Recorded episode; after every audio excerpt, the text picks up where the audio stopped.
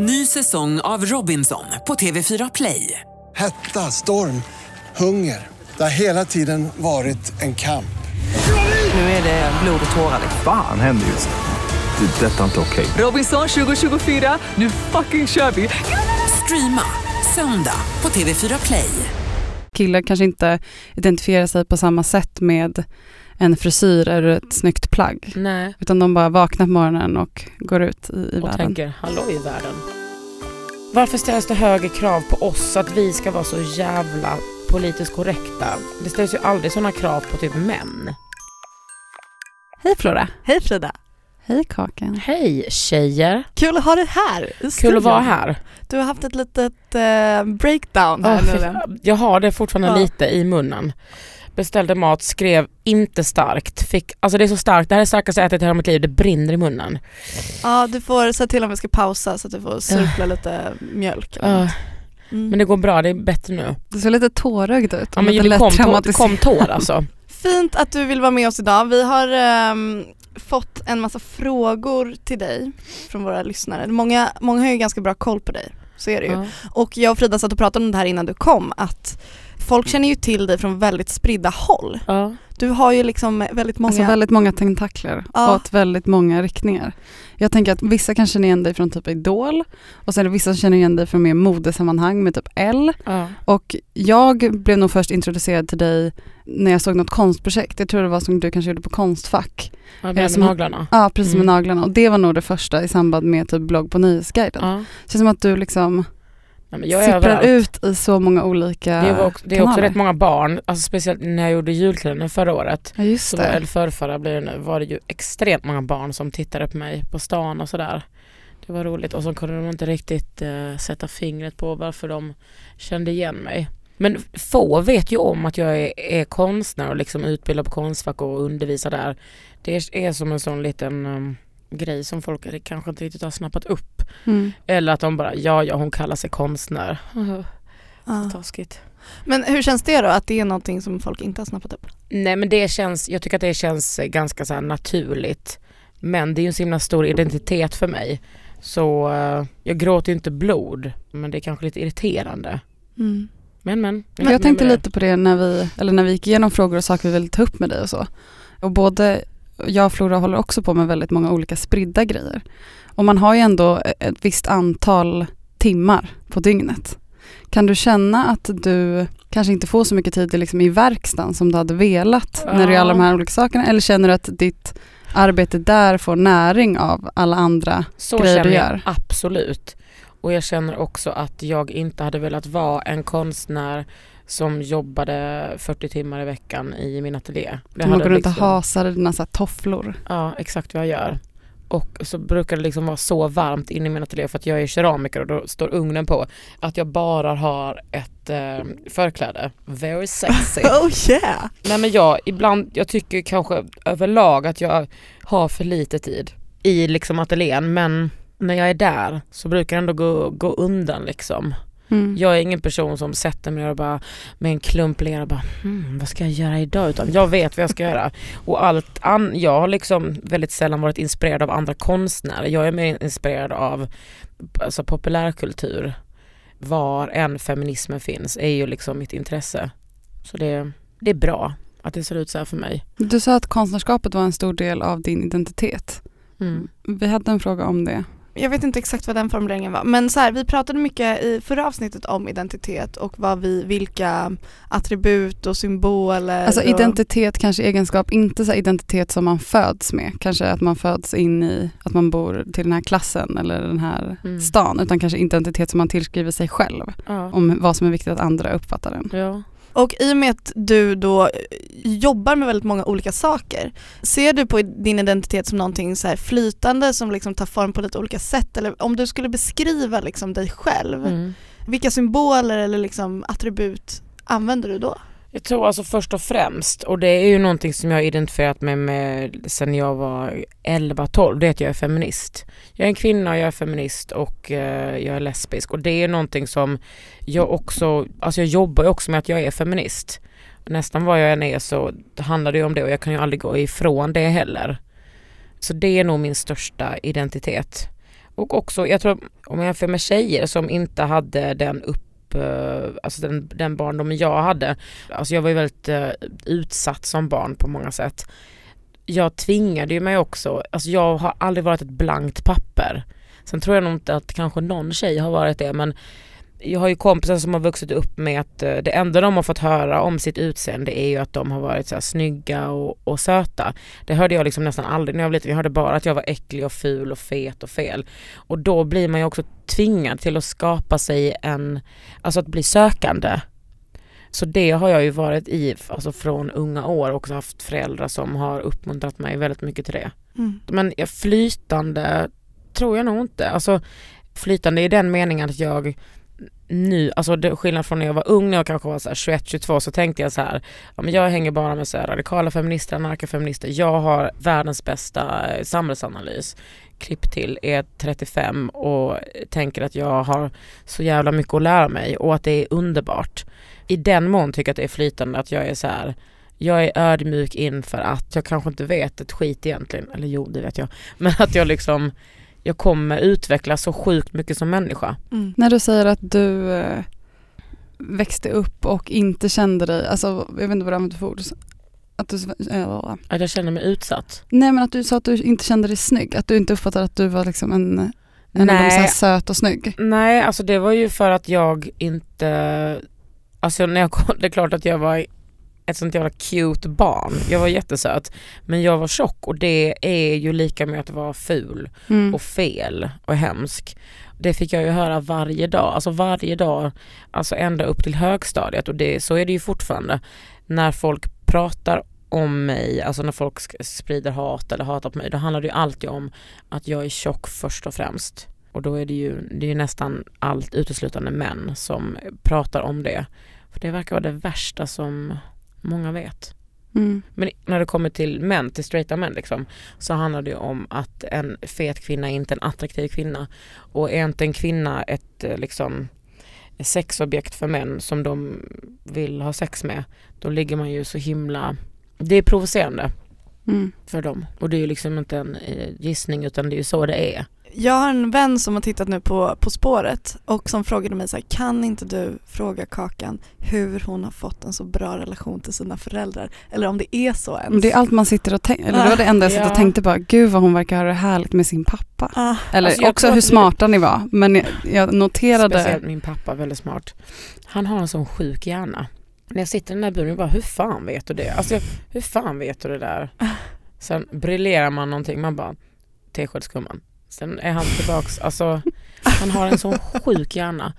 Ja men jag tänker att jo vi, jag har en bra relation till min familj men den är också problematisk som alla andra familjer. Mm. Och vi är absolut inte en sån där "Ah, härlig, lycklig, eh, skimrande familj utan vi har haft jättemycket problem men jag tror jag pratar mycket med min syrra om det här men jag tror att det, är liksom, det handlar om att vi har haft eh, jättemycket trauman i vår familj och släkt och att vi har tagit oss vidare genom det men också att vi eh, liksom inte riktigt har gett oss utan jag, fan jag vill ha en bra relation med min familj. Då har jag krigat liksom, även om det har varit jättejobbigt och jag gör det fortfarande. Jag anstränger mig mycket. hur eh, anstränger du dig? Hur krigar Är du? ärlig, typ ta, har jobbiga samtal, bråkar ibland, pratar, pratar, pratar. Men nu tycker jag mest bara att jag måste, alltså jag är 35 år, jag kan inte det tog lång tid för mig att förstå att mina föräldrar är också människor, de är inte bara mina föräldrar. Och att man, jag inte behöver liksom ta ansvar för dem som föräldrar och familjemedlemmar. Vilket är så skönt men det är också så provocerande att, Mm. att det är så. Man ser alla sprickorna. Men alltså jag, jag är så jävla nöjd med min familj. Jag vill inte ha några andra. Nej, vad fint. Ja. Men, men just den grejen att så här, våga ifrågasätta och säga emot och, och våga ta konflikten. Mm. Är det någonting som så här, du har blivit uppmuntrad att göra eller någonting som du har så här, självmant vågat? Jag tror både och. Alltså min mamma kommer ju från en missbruksfamilj. Och hon har ju liksom alltid då strävat efter att eh, vi inte ska ha samma relationer i vår familj som hon hade i sin familj. Men det är också svårt att byta det här mönstret liksom. Det är både och. De har ju uppmuntrat absolut. det är en ganska frispråkig familj jag kommer ifrån. Mina föräldrar är, de har varit väldigt uppmuntrande. Alltid. Alltså inte alltid, inte alla sked. Alltså de har ju inte varit glada för att jag har liksom varit aktivist. Det, på ett sätt har de varit jätteglada och jättestolta men de har också varit oroliga för mig. Herregud vad jag har utsatt dem för saker. Men man måste ju få leva.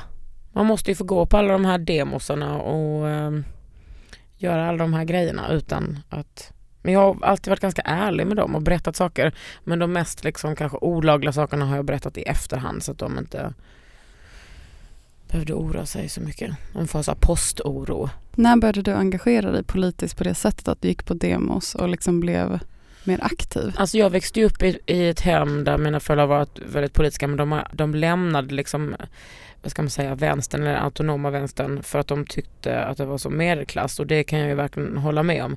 Men jag började engagera mig, alltså feminist blev jag ju väldigt tidigt men engagera mig började jag kanske i 20-årsåldern, 19, 20. Och det var ju skönt för då hade jag ju liksom varit feminist ensam väldigt länge och det blir ju dumt alltså när man är feminist ensam. Om ingen att bolla med och ingen att utvecklas med men sen så på gymnasiet, nej men då var jag i och för sig 15 så jag, på gymnasiet så träffade jag en tjej som också var feminist och det var som att jag bara nej.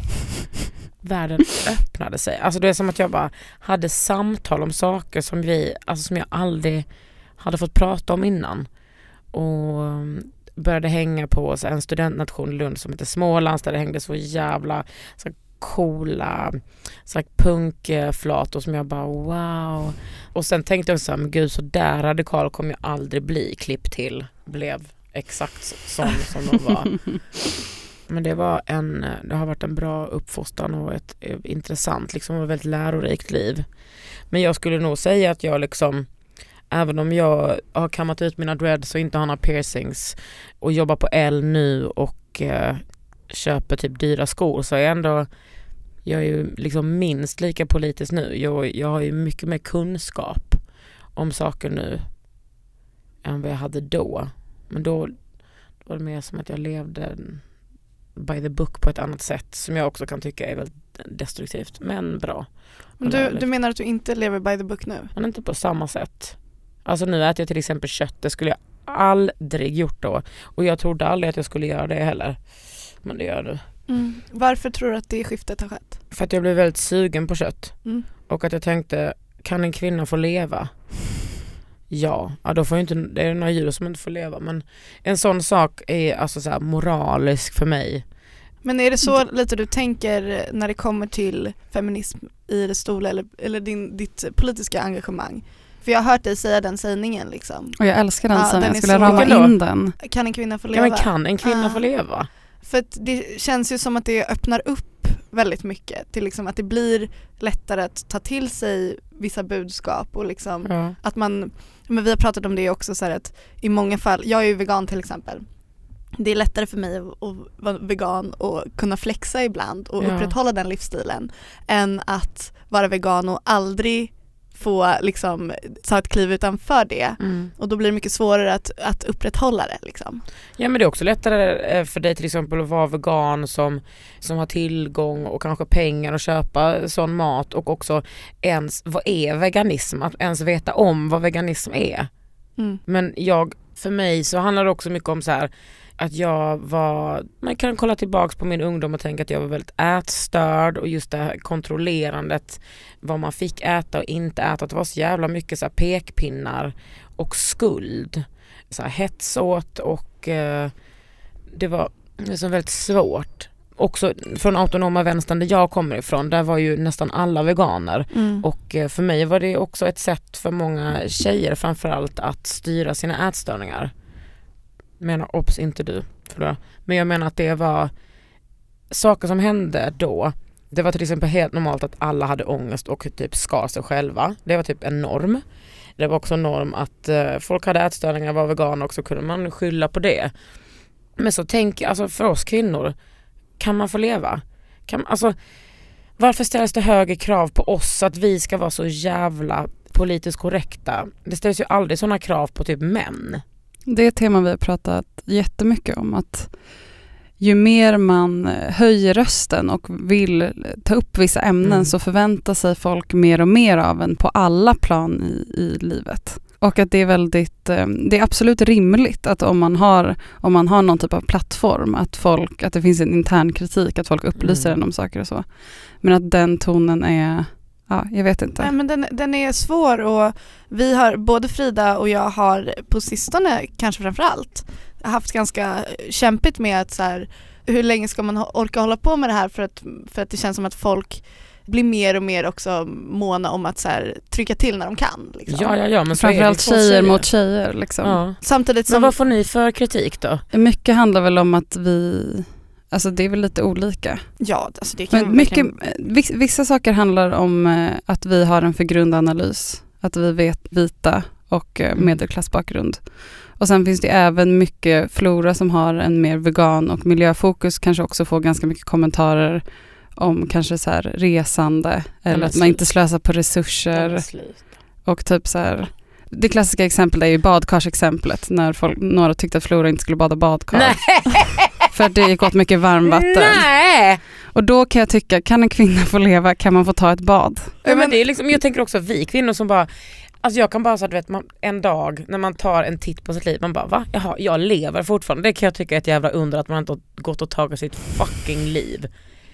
Ja men så här, nästan alla tjejer är med om sexuella övergrepp, vi, vi är förtryckta sekund efter sekund. Var lite jävla schyssta mot era systrar.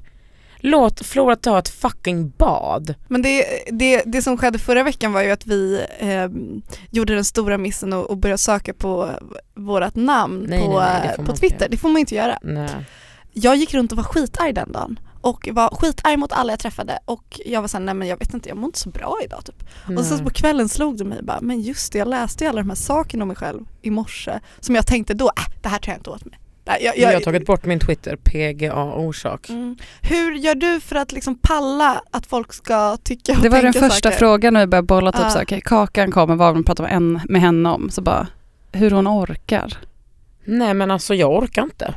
Och då menar jag inte att jag orkar och då, då slutar jag jobba med det här fast jag har ofta, många gånger har jag tänkt jag orkar inte vara en offentlig person längre.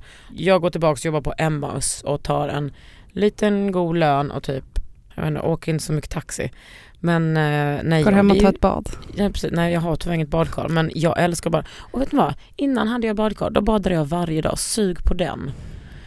Vadå tror ni att det är era lyssnare som eh, kritiserar er? Delvis. Men sen så finns det ju kritik och kritik. Alltså det finns ju absolut rimlig kritik och, och stunder Men det då är man... också så här att alla feminister måste vara så här. nej men jag förstår, jag är, det är klart att jag är öppen för kritik. Man bara, men säg en dude som gör så. Män bara tågar genom livet med Mm. typ sånt supersjälvförtroende och bara Och framförallt att folk inte avkräver dem att de ska ta det, ta det ansvaret. Nej så bara varför ska ni, alltså, bara, Mm. du måste ge plats. Man bara, jag tar plats. Alla andra kvinnor kan också ta plats, liksom få den platsen. Vi ska inte göra avkall. Sen så kan jag ofta, jag, jag, vill jag kan göra avkall till liksom rasifierade personer. Absolut. Men alltså folk kommer ju inte dö för att ni har en podd eller bloggar eller skriver eller fotar eller whatever. Nej, jag har fan inget tålamod längre. Nej men för det är väl det jag också känner att jag blir mer och mer förbannad. Förut kunde jag bli mer ledsen men att jag nu känner att det liksom, jag stod och sparkade i en snödriva Mm. och bara sparkade och sparkade och sparkade och sparkade och bara, bara nu skiter jag i det här, nu orkar jag inte. Men liksom du säger att du inte orkar men att du ändå jobbar vidare Ja, liksom. men jag Hur, vad, har du några strategier när det kommer Ja till det? men det är att jag, dels så tar jag ju hand om mig själv mycket bättre. Alltså typ, jag, jag sover mer, jag är mer, jag jobbar inte alls lika mycket som jag gjorde innan. Jag jobbar ändå mycket liksom men, ja, men till exempel nu så har jag så här ett skrivbord på L och har arbetskamrater som man kommer att säga hej till på morgonen. Det är ibland då och det är så jävla mysigt. Och sen så, jag menar när allting till exempel hände med Audi, då var ju det liksom, det var ju skitjobbigt. Då var jag, ställdes jag inför en helt ny nivå som jag inte visste hur jag skulle hantera. När du gjorde vad då sa Det du? var så himla... Det här med Audi, när Audi gick ut och bröt ett kontrakt. Har du hört om det? Det här har jag missat. Det var så himla, jag kommer ihåg när jag läste det, alltså det kändes så himla, ja, det var så sjukt. Och då någonstans där så förstår man ju också vilka det är som är ens riktiga fiender. Men vill du berätta vad det var som hände? Men jag skulle göra en, eh, en kampanj med Audi och när de la ut den här kampanjen på sin Facebook-sida då var det en annan grupp på Facebook som uppmanade till bojkott.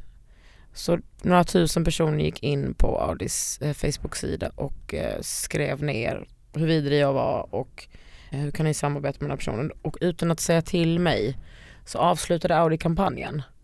Och det innebar ju liksom att det var en mobb som hade, de kunde styra den här kampanjen.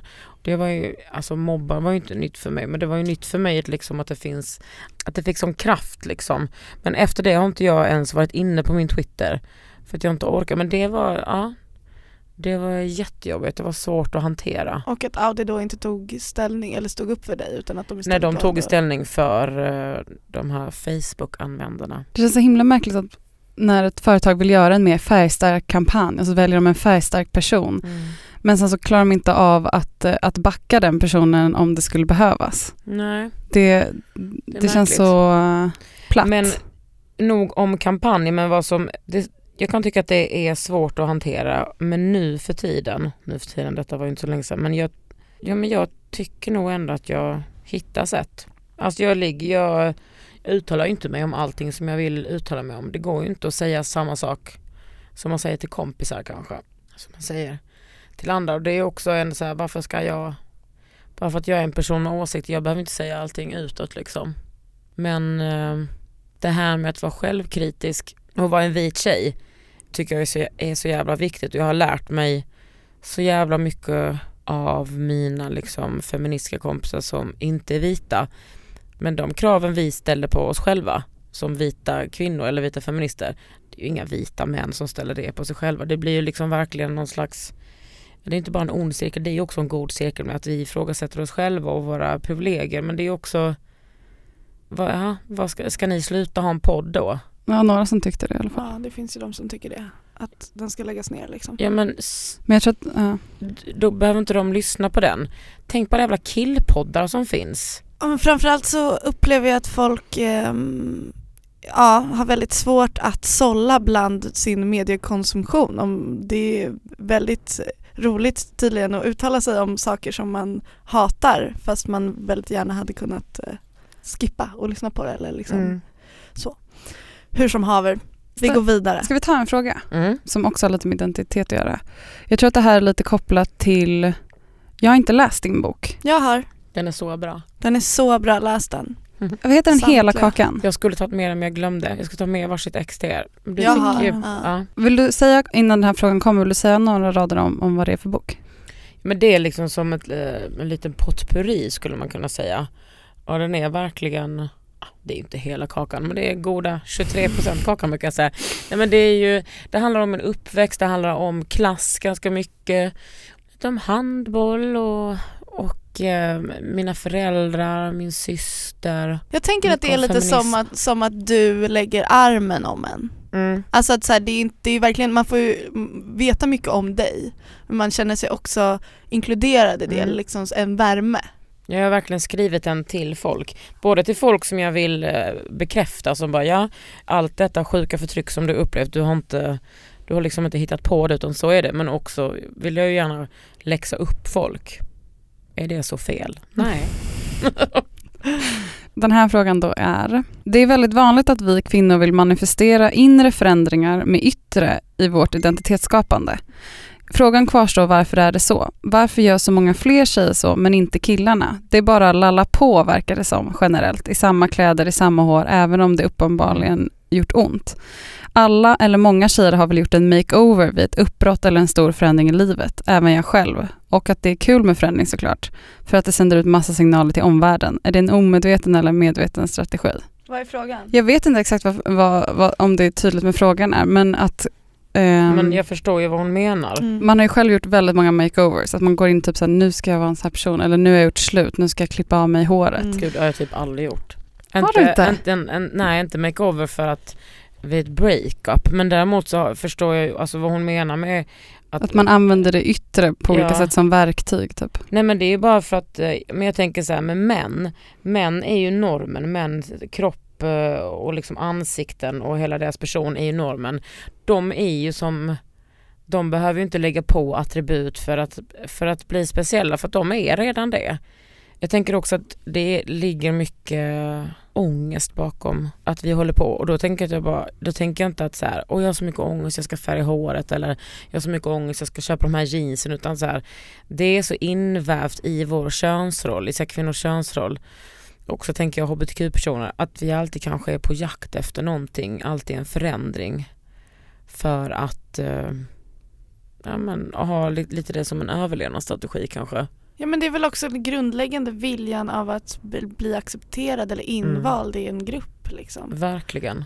Och att man då med hjälp av yttre attribut kan nå det, Mm. liksom få vara med i en Mm. viss grupp är ju jävligt, eh, det är ju, Ja alltså, framförallt i killgruppen att bli, att bli accepterad av eh, män. Att man så här, måste se ut på ett speciellt sätt eller liksom vara på ett speciellt sätt och vara, alltså även om man inte har sex med män så här, sexuellt tillgänglig och Mm. attraktiv. Killar kan ju se ut som fan och ändå anses som liksom attraktiva. mm. Jag tänker också att som kvinna kanske man identifierar sig mer med sitt utseende som person. Och att om man då vill göra en inre förändring så gör man också en, en yttre förändring Mm. för att de två sakerna hjälper en. Jag ska nu snart eh, färga blont till exempel. Oh, ska du? Och det är ju liksom en, grundar i någon typ av inre så här, någonting och sen då vill jag, jag Mm. liksom manifestera det i, i det yttre på något sätt. För att Ja. de två hänger så nära i- ihop. Att killar kanske inte identifierar sig på samma sätt med en frisyr eller ett snyggt plagg. Nej. Utan de bara vaknar på morgonen och går ut i, i Och världen. tänker, hallå i världen, Exakt. här är jag. Jag är så snygg så jag håller på att ramla omkull som Ja. Fridas kille. PS, det är du inte. Men, eh, PS det är han. men, ja, men eh, också liksom att vi kvinnor är så himla, vi är så himla medvetna om varenda liten rörelse. Det är som att vi har sån koll på våra kroppslemmar. Det Mm. tänker jag väldigt mycket på när jag är på Friskis och Svettis och dansar. Ja. Att så här, män har typ, eller generellt så har män väldigt dålig koordination och har ingen så här, kan inte dansa så bra och gör gympaövningarna fel och, men de ska ändå stå längst fram eller i mitten. Mm. Och det är så här, då, jag tror liksom att jag, att jag skrev om det i min bok att så här, män behöver inte ta ansvar för sin kropp på samma sätt. Vi är hela tiden medvetna om vår kropp. Är vi för tjocka? Är vi liksom, tar vi för mycket plats? Hur sitter jag med benen? Hur är jag? Är jag feminin nog? Är jag, hur är min röst? Och sådär. Och det är kanske därför också vi är bäst, vi är bättre på att dansa. Nej, men att vi har, vi har sån extrem kontroll på vår kropp liksom, också av rädsla. Det krävs För av oss. Mm, en rädsla för att någon ska gå över vår gräns mot kroppen liksom. Mm. Vi har fått en annan eh, en fråga som, som är i ett helt annat hörn. Som lyder så här. Jag har en kompis som precis kommit ut som gay och alltså jag couldn't care less om vilken sexualitet hon har men vill ändå visa att jag bryr mig och stöttar henne. Men vet inte riktigt hur jag ska reagera eftersom jag vill inte liksom förstora det till världens grej som om att det skulle vara något konstigt men blir samtidigt konstigt om vi inte pratar om det.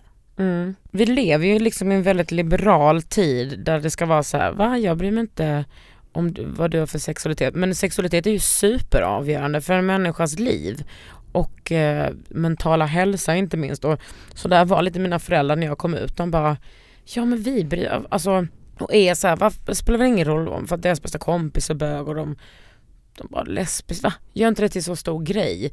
De tyckte liksom att jag var lite sådär the only gay in the village, att jag bara I'm gay, I'm gay. Men för mig, det har ju alltid varit, eh, det är ju liksom en stor sak. Och lesbiska kvinnor lever helt annorlunda än straighta kvinnor. Men jag skulle nog ha uppskattat om mina kompisar intresserade sig mer. Jag tycker att den som har frågat, det är en väldigt bra fråga. Men kanske så här, fråga om de ska gå ut på någon klubb, alltså någon lesbisk klubb ihop. Eller om de vill liksom det behöver inte handla om just, om sex, typ så här, tycker du, tycker du hon är snygg, tycker du, alltså det där tycker jag, det kan vara jobbigt men Alltså man kan ju fråga hur, vadå, hur känns det? Det måste vara jätteskönt för henne att hon har kommit ut. Så vill du prata, hur länge tänkte du på det här in, innan du berättade det? Och har du alltid vetat då? Också så understryka bara du kan alltid prata med mig. Som du vet tycker inte jag att det är konstigt eller jag bryr mig inte men här är jag, jag är din kompis. Mm. Precis som man skulle pratat om Ja, vilken... ja men för grejen är så här, att vara lesbisk, att komma ut, det är inte som att vara straight. Nej. Man bara ja, ja det spelar ingen roll, bara jo det spelar roll. För att vi är utsatta på ett helt annat sätt, vi är förtryckta på ett annat sätt. Så att, eh, det är bra att hon tar det på allvar. Vi fick ju en mer kontroversiell fråga också och jag tänker att vi kan ställa den. Mm. Och om du känner men det här, det här rummet behöver vi inte gå in i, då går vi inte Mm. in i det och så klipper vi bort det. Just det. Men det var två personer som, som frågade separat om det. Åh, vad intressant. Så här. Mm. Hur slutade du röka weed? Jag undrar över hur Kakan gjorde för att sluta röka weed. Vet att hon pratat om att hon gjort det mycket förut men slutat. Min läkare säger att jag också måste sluta. Hur motiverar man sig? Har hon några bra tips när verkligheten blir för verklig och man inte kan röka sig till en paus i skallen? Var detta den kontroversiella? Ja. Nej men jag slutade röka faktiskt bara rakt av. Det var typ en kväll när jag skulle gå och lägga mig så skulle jag, jag min kompis sov hos mig. Jag kommer ihåg det så väl och så bara, ja jag bara, "Åh, jag kan inte sova, jag meckar den. Och då eh, så hade jag, vad fan så är det ingen tändare så jag var tvungen att typ tända en cigg. Alltså jag ställde en cigg rakt upp och ner på min platta hemma. Så att den skulle börja brinna så jag kunde tända den. Rökte lite, gick och la mig, fick en panikångestattack och kräktes. Och då tänkte jag, nej, och det hade jag fått många gånger innan, men det var så, nej, Av rökning? ja, Eller? avräkning. Och så tänkte jag, nej, nu får det vara. Och ja, det var svårt. Hur Alltså länge lite, hade du rökt weed då? lite fram och tillbaks. Okej. Eh, Da, da, da. Men eh, det var också för att jag, hade trä- jag träffade min tjej och hon eh, röker inte. Jag tycker inte att det är så solidariskt att vara hög när folk inte är det. Kanske inte speciellt solidariskt med mig själv heller.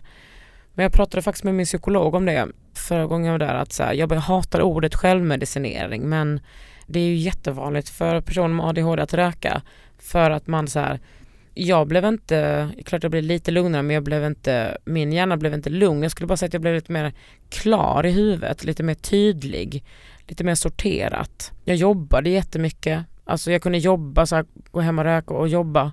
Men eh, jag tycker också att det har gett upphov till jävligt mycket ångest för mig. Inte vetskapen utan det, det kemiska liksom. Jag kan liksom inte förstå hur man kan få utskrivet weed mot depression eller mot ångest. Jag kan inte fatta hur det funkar. För det ger ju alltså bevisligen upphov till ångest. Jag vill inte skuldbelägga någon men för mig har det, alltså det, jag är så jävla glad att jag har slutat med det. Tror du att du- du har ersatt det med någonting? Inte som en, liksom, en drog men om du har liksom behövt Ja det har jag gjort. Och det är att inte äta kolhydrater förutom då när man äter för stark mat så man måste prega in lite ris för att neutralisera. Men för att det gör med att jag håller mig mer jämn i mitt humör och liksom i min kropp och sådär. Men jag tycker att det, jag, så här, jag vill inte uppmana någon att så här, sluta äta kolhydrater eftersom så många är så ätstörda så kan det Mm. bli jobbigt men för mig har det bara varit eh, bra. Det har varit bra för mitt ätmående och det har varit bra för min hjärna. Mm. För att man dippar inte på samma sätt. Nej, mindre ångest och mer jämn liksom. Men ja, alltså det finns ju också, jag tror att så här Mariana-rök eller, när folk, eller om folk röker hasch det är ju liksom, det tas inte på samma allvar som tyngre droger eller alkohol, alltså alkohol. Men man kan ju, det finns ju avvänjning, man kan ju gå på sådana behandlingar liksom. Jag känner mig mycket mer så närvarande i mitt liv. Nu var det många, många, många år sedan jag slutade men det, jag är glad för det. Men det var så från en dag till en annan så bara, Ja, ja, ja, in- ja. Det är en en liksom ändå återkommande fråga vi, vi får om att, eller ändå förhållandevis många vill att man ska prata om den här typen av ämnen. Mm. Men jag tänker också, för att för mig är det så här, ja jag har rökt lite gräs, det är inte som att jag har varit, haft ett kokainmissbruk liksom. Och jag, alltså det där jag kommer från, folk röker liksom. Det är inte mer med det. Jag har varit väldigt mycket i USA, där är det ju också som vanlig grej. Och jag tycker också så här, jag behöver inte vara någon jävla förebild som typ måste ha så här ett perfekt CV. Ja, det har jag ju inte ändå men min psykolog hon bara, klart, hon sa hon bara det är klart det handlar om självmedicinering men jag vet inte om, det, om jag tycker att det är så enkelt. Men det finns, jag, vet, jag skulle inte riktigt säga att jag har ersatt det med någonting annat. Det där att man liksom zonar ut och hamnar i en annan state of mind. Jag dricker liksom inte speciellt mycket. Nej, jag har nog inte ersatt det med någonting. Och det är det som man måste lära sig. Mm. Att inte ersätta dumma eller så här störiga saker med någonting annat. Jag ersatte med fuego på Friskis och Svettis. Yes! Yes. Det. Det är väldigt sällan man hör kvinnor i offentligheten prata om någonting som har med droger att göra. I alla fall vad jag Mm. uppfattar det som. Att så här, om Filip och Fredrik typ röker eller tar någonting i, i ett Ta program så, i TV. ja, så är det skönt. Mm. En skön grej. Medan om till exempel, nu har ju Little Jinders framträdande blivit någon typ av supersymbol för det, men när hon drack lite TV. Alltså, det, alltså att en Mm. kvinna alltid är tragisk på något sätt. Mm. Om man vänder sig det. Medan en kille är Ja. mer så sökande av sin Ja, identitet här- och det är en skön grej. Och Typ. manligt är det, medan vi, om vi kvinnor missbrukar eller, eller brukar så är vi ju, vi blir ju direkt osexiga på något sätt. Och det är det som är så speciellt att om kvinnor är o, vi blir osexiga och män vill inte ha sex med oss, då är vi körda direkt. Vi Mm. måste alltid vara tillgängligt sexuella.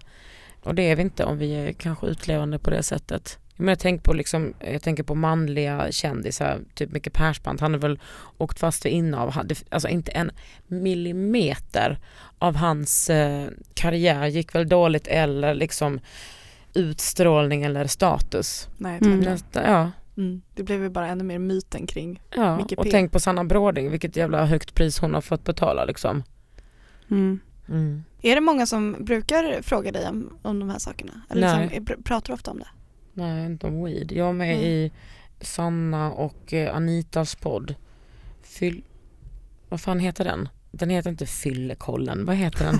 Det finns någon som heter typ Fyllepodden. Det är den, det är Fyllepodden, inte kollen. Sa du att du var med i en podd och så trodde du att den hette Nej, Kollen fyll- istället för det rimligare podden? Fyllekollen, Fyllepodden heter den. Och där var jag med och pratade lite om det.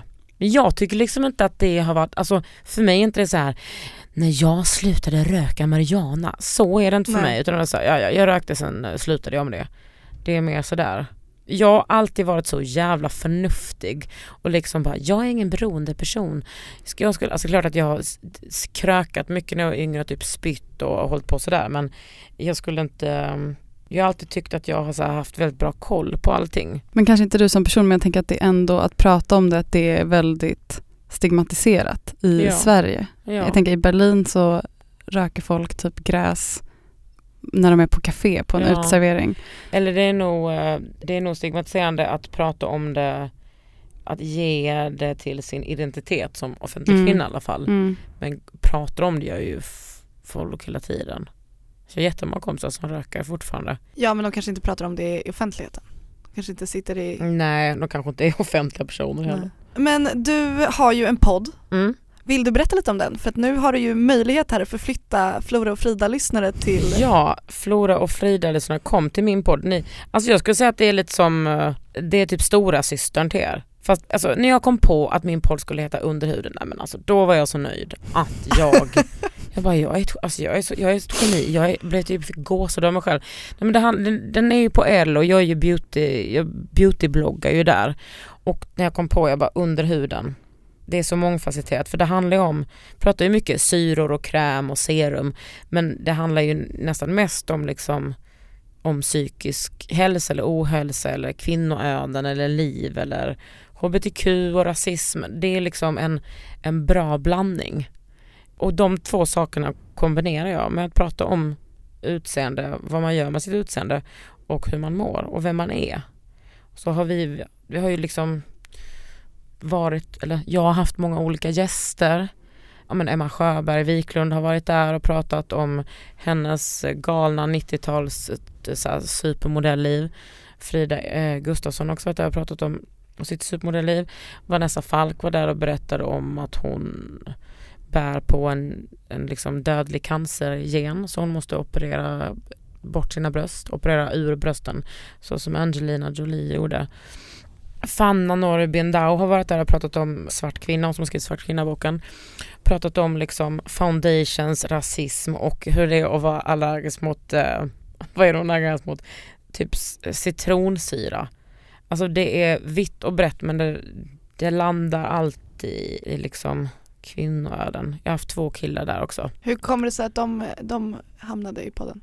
Ja, båda är ju bögar och eh, Daniel Paris tycker jag har, han är väldigt beautyintresserad och skriver mycket om det. Men är också en, jag tycker att han är en väldigt speciell person, väldigt varm, som har, för, har förändrats väldigt mycket och mediebilden och honom har förändrats mycket. Och sen var Tommy X där som jobbar jättemycket med utseende och är stylist och är liksom världsmästare på peruker. Och eh, ja men Vi hade ett jätteintressant samtal om liksom hur så här, hatet mot femininitet ser ut också i bögvärlden. Det var, alltså det, nu har vi fan spelat in hur många avsnitt som helst.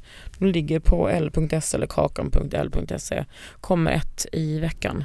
Snart ska jag intervjua skådisen Bahar Paras och prata om hår och behåring. Men hur mycket tid lägger du på podden? Nu är jag så ruttad att jag nästan inte behöver förbereda mig. Du bara går in i studion Ja, och jag är, kör. jag är liksom ganska bra på att intervjua men sen så vill jag ju ha, vill jag ha frågor liksom till mina lyssnare. Vi har ju såklart folk som vill ha beauty-tips. Men då får ni gå in på podden och bloggen. Ja, är det så? In Du- med er. Okej. Och där på kakan.l.se där kan man ju gå in på något inlägg och skriva massa frågor. Nu har jag varit lite ofokuserad för att jag har lett Elgalan och hållit på med mycket förberedelser där men nu ska jag börja svara igen. Nice. Och det är det bästa, att ha så här kontakt med läsarna. Jag älskar mina läsare. Jag är mer besatt av dem än de av mig. Du har ju fått mig att testa både Dermapen och vad heter den här? Den försäljningen måste jag ha slagit i taket. Alltså det, går vet, inte att komma hem, Choice 2%. det går inte att komma hem till en feminist längre utan att det står minst en sån grej i badrumsskåpet. Jag vet. Alltså jag har ändå pratat med Annika som har Skin City som distribuerar Paula's Choice.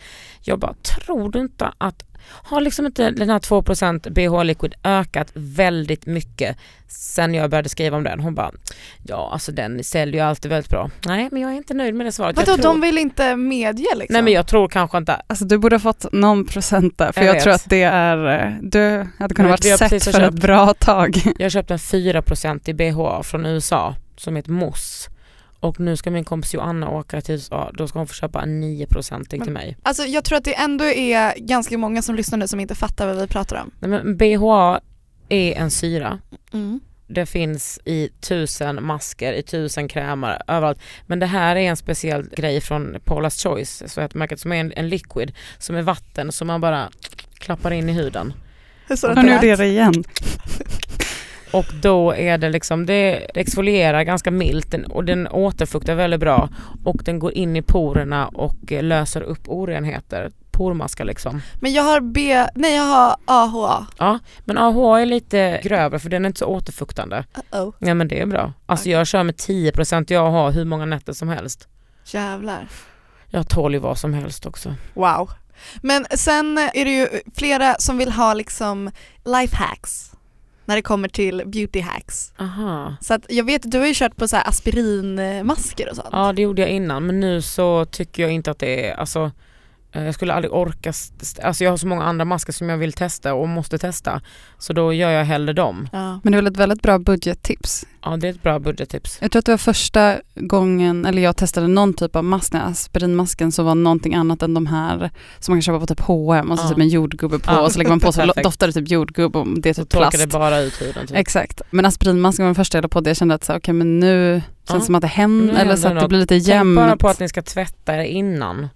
Och sen efter den så måste ni återfukta kanske med ett bra fuktserum och sen en bra liksom, fuktmask eller en fuktkräm. ja, det här är ju, eh, det här sporrar ju i alla fall mig att gå in och och botanisera mer i, i din lilla värld. En sak som också är bra eftersom produkter är så himla dyra oftast det är att be om prover för det kan man ju få alltså, till oändlighet. Man kan gå dit varje dag. Nej men man kan gå till olika affärer hela tiden. Till exempel Kiehl's har ju sådär, de gör ju ingen reklam whatsoever. De kör bara så här mouth to mouth och eh, alltså inte mun mot mun metoden utan att så här djungeltrumman och att de delar ut eh, prover. Man kan gå, Kiehl's är jättebra att få prover hos. Mm, bra tips. Mm. Vi kör en sista fråga tycker jag. Mm. Det här är en sån jävla random fråga, älskar det. Kakan, har du någon sexfail som du vill dela med dig av? Aldrig failat någonsin. Professional. Sex goddess. Nej, jag är, nej det har jag väl inte. Alltså vadå, tänk när man var så här lite yngre och bara Man- in, inte visste riktigt. Men jag har ju, nej det har jag inte. Har du legat med någon som aldrig hade legat med en tjej förut?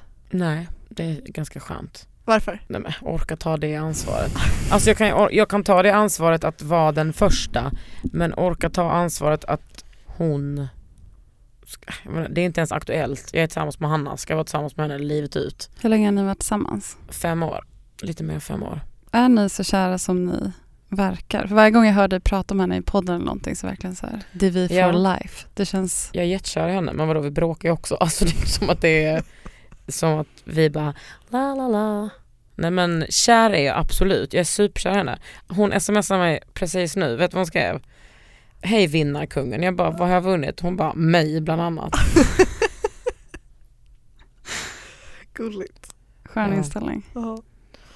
ja, vad säger ni? Ska vi... eh, Finns det någonting du vill avsluta med att säga till eh, tjejer mellan 16 och 25? Kan en kvinna få leva?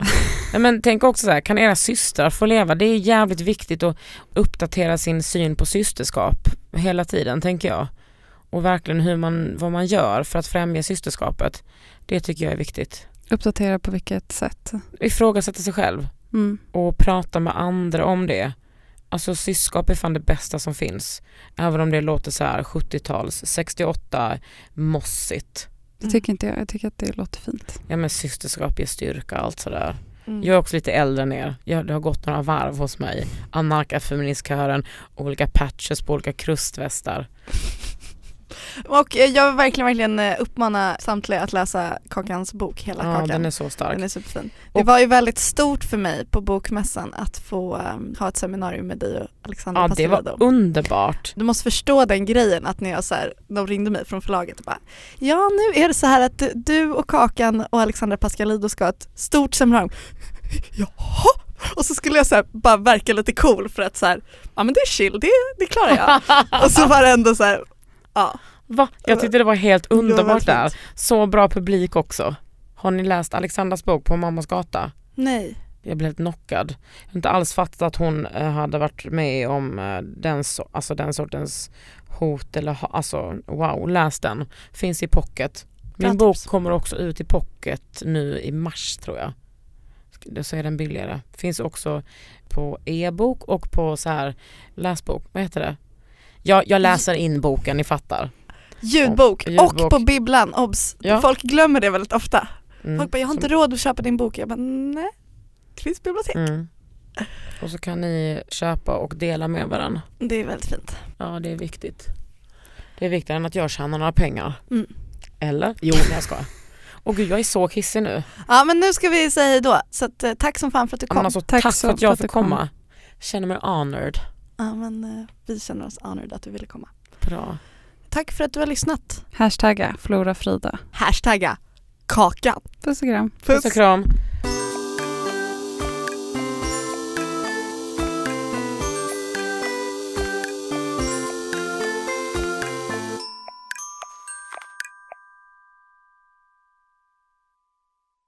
Ny säsong av Robinson på TV4 Play. Hetta, storm, hunger. Det har hela tiden varit en kamp. Nu är det blod och tårar. Fan händer just nu. Det. är Detta är inte okej. Robinson 2024, nu fucking kör vi! Streama söndag på TV4 Play.